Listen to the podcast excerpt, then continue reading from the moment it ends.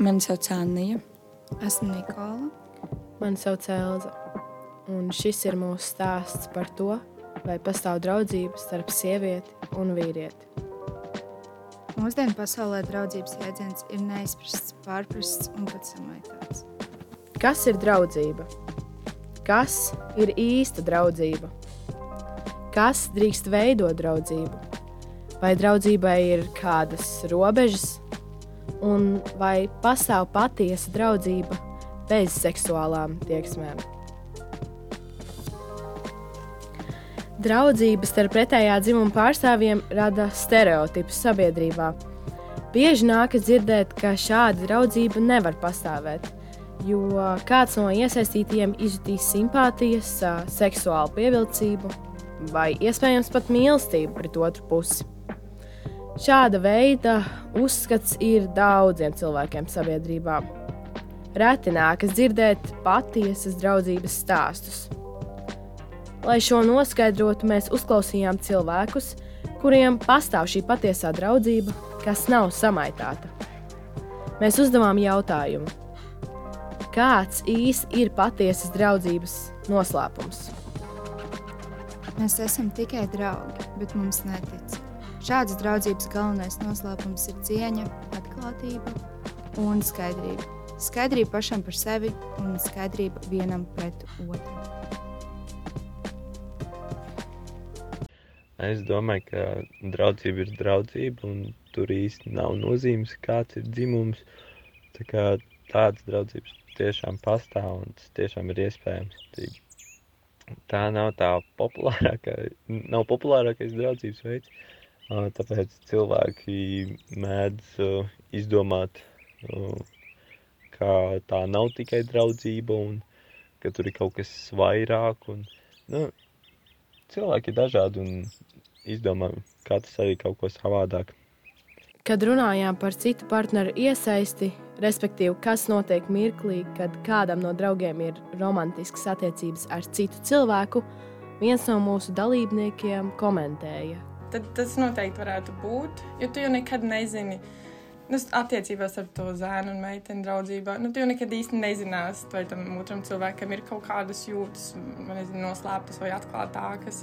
Un, um, un citreiz varbūt, ja tev kā meitenei zēns kaut ko, nu, tavs draugs sliktu pasaka par uh, tavu topošo nākamo puisi, pieņemsim, tas var, var likties kā greizsirdība tev, bet īstenībā viņš cenšas tikai tevi pasargāt, jo tu viņam rūpi kā draugs. Un es domāju, ka tur var būt varbūt kaut kādi šķēršļi tai draudzībā starp zēnu un meiteni, kas var tiešām likties, ka viņš ir greizsirdīgs un negrib tev labu. Man liekas, ka sākumā ir diezgan grūti, kamēr tas tā otra puse saprot, nu, ka jūs tiešām esat labi draugi un tā nav konkurence. Jo, nu, es domāju, ka jebkurš zēns vai meitene, ja redz, ka viņa otrai pusītē ir pretējā dzimuma draugs ļoti labs un tuvs, tad, nu, tur, protams, uzreiz ir tā konkurence. Ir nu, jāizveido uzticība vienam otram, līdz tas, tas vairs nav šķērslis.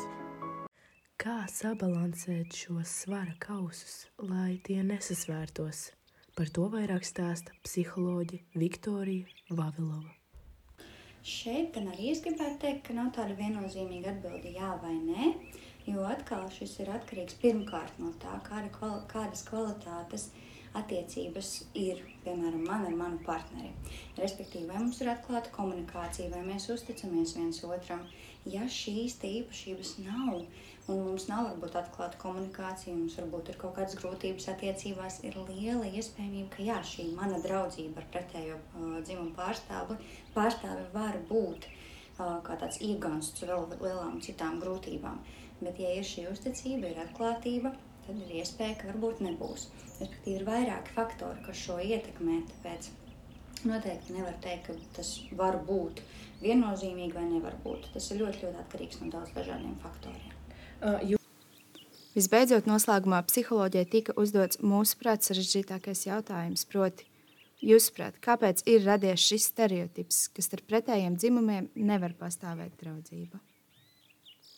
Mm, tas var būt saistīts īstenībā atkal jā, ar ļoti daudz ko. Pirmām kārtām jau ar agrāk pieņemtajām sociālo-kulturālajām normām. Kaut vai tas, ka mēs agrāk redzējām, ka ir stipri lielāka nevienlīdzība starp sievietēm un vīriešiem. Līdz ar to tas modelis, kur vīrietis veido draudzību ar sievieti, bija krietni retāks vai vispār neredzams. Līdz ar to tas bija pieņemamāks, ka sieviete un vīrietis par viņu vienīgās attiecības, kas bija iespējamas, tās bija šīs romantiskās attiecības. Viņi vienkārši viņi sastapās lielākoties tādās vidēs. Nebija šī vienlīdzība starp vīrieti un sievieti bija mazāka. Un šī vienlīdzība attiecīgi ir ļoti svarīga, lai mēs vispār varētu attīstīt tādas draudzīgas attiecības vispār ar cilvēkiem kā tādiem. Tas ir viens, kas varētu, manuprāt, no, noteikti būvēt to stereotipu, ka vīrieši nevar veidot attiecības ar sievietēm otrādāk. Tas ir viens. Noteikti arī tas, ko mēs redzam mēdījos un uh, televīzijā, ka mēs ļoti bieži tādu, uh, jāsaka, klasisks scenārijs, kas notiek uh, visos tādos seriālos, multenēs, filmās un kur tik ne, mēs redzam, kur galvenie aktieri, galvenie tēli, viņi satiekās kā draugi vai veido šīs attiecības absolūti platoniskas, nu, un beigās tur uzplauks dažni dažādākās romantiskās jūtas. Un es ticu, ka tas arī palīdz nostiprināt šo pieņēmumu un arī vēl vairāk uzturēt šo pieņēmumu to, ka vīrieši nevar veidot attiecības ar sievietēm, kas būtu tikai platoniskas.